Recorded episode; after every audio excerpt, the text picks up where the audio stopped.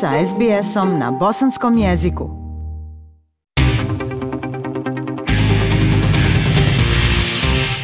Slušate program SBS radija na bosanskom jeziku. Mnogi vlasnici stambenih objekata suočavaju se sa značajnim povećanjem hipotekarnih stopa nakon što je Rezervna banka Australije podigla kamatnu stopu na novčana sredstva za 50 baznih poena. To je najveći rast stope u više od dvije decenije i poklapa se s naglim rastom cijena gasa i struje, zbog čega se mnogi suočavaju sa financijskim opterećenjima. Prilog Krišani Danji.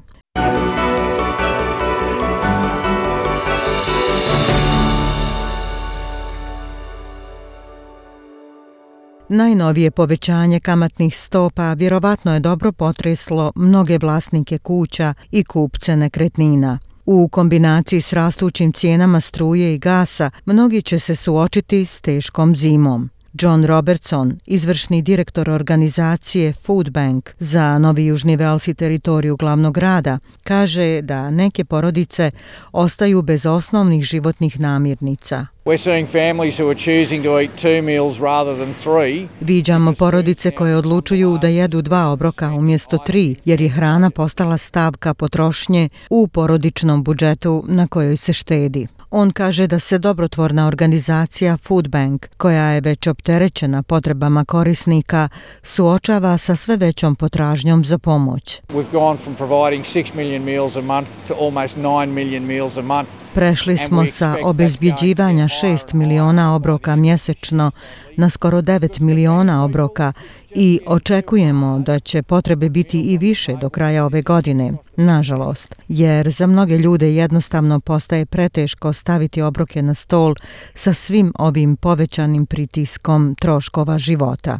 Postoji oko 3,5 miliona vlasnika kuća i stanova širom Australije, od kojih će mnogi odmah biti pogođeni povećanjem kamatne stope sa 0,35% na 0,85%. To je najveći rast stope od 2000. godine i samo je jedan od nekoliko kada je stopa rasla od tada. Guverner Rezervne banke Philip Lowe rekao je da je ključni problem rastuća inflacija na koju utiču međunarodni i domaći faktori. Savezni blagajnik Jim Chalmers rekao je da će se situacija još pogoršati prije nego što počne oporavak. This cost of living crisis has been brewing for the best part of a decade.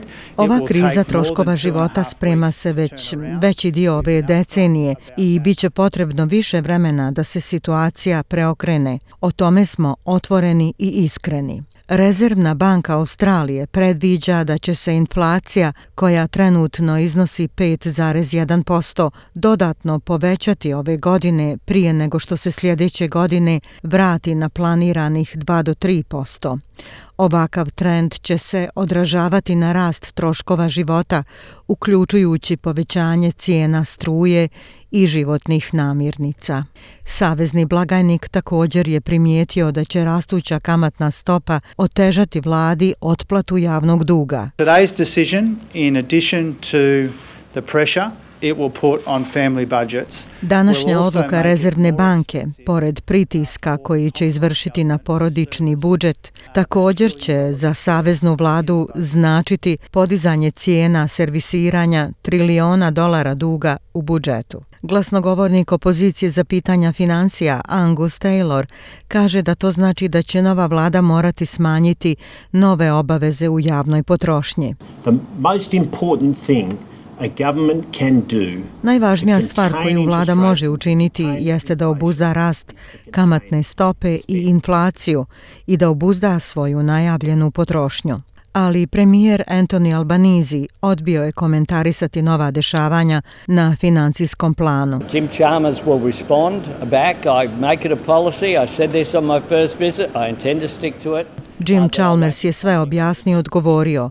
Ja sam to postavio kao naš program i namjeravam se toga držati. Ključno pitanje tokom predizborne kampanje također je vraćeno u prvi plan. Australsko vijeće sindikata ponovo poziva na povećanje plata kako bi se ublažili neposredni pritisci troškova života. Odluka Komisije za radne odnose o povećanju minimalne plate treba da bude donesena kasnije ovog mjeseca, a vlada je napisala podnesak nezavisnoj komisiji ohrabrujući je da održi plate u skladu sa rastućom inflacijom. Sekretarica vijeća sindikata Sally McManus kaže da bi porast primanja za neke od najslabije plaćenih radnika mogao pomoći u stimulaciji ekonomije. The statistics also show that low paid workers spend every single cent that they earn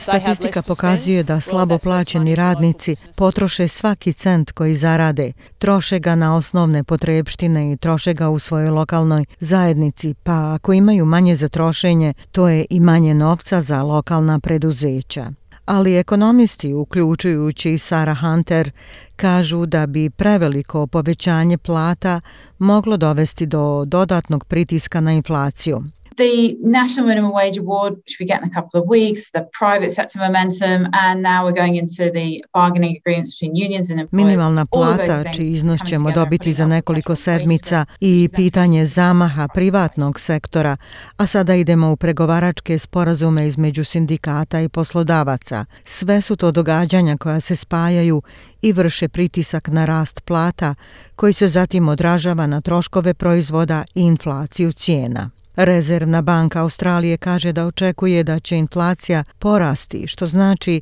da se mnogi u Australiji moraju pripremiti za još više ovakvih financijskih udara u narednim mjesecima. Ja sam Aisha Hadži Ahmetović. Ostanite uz program SBS radija na bosanskom jeziku. Like, share, comment. Pratite SBS Bosnian na Facebooku.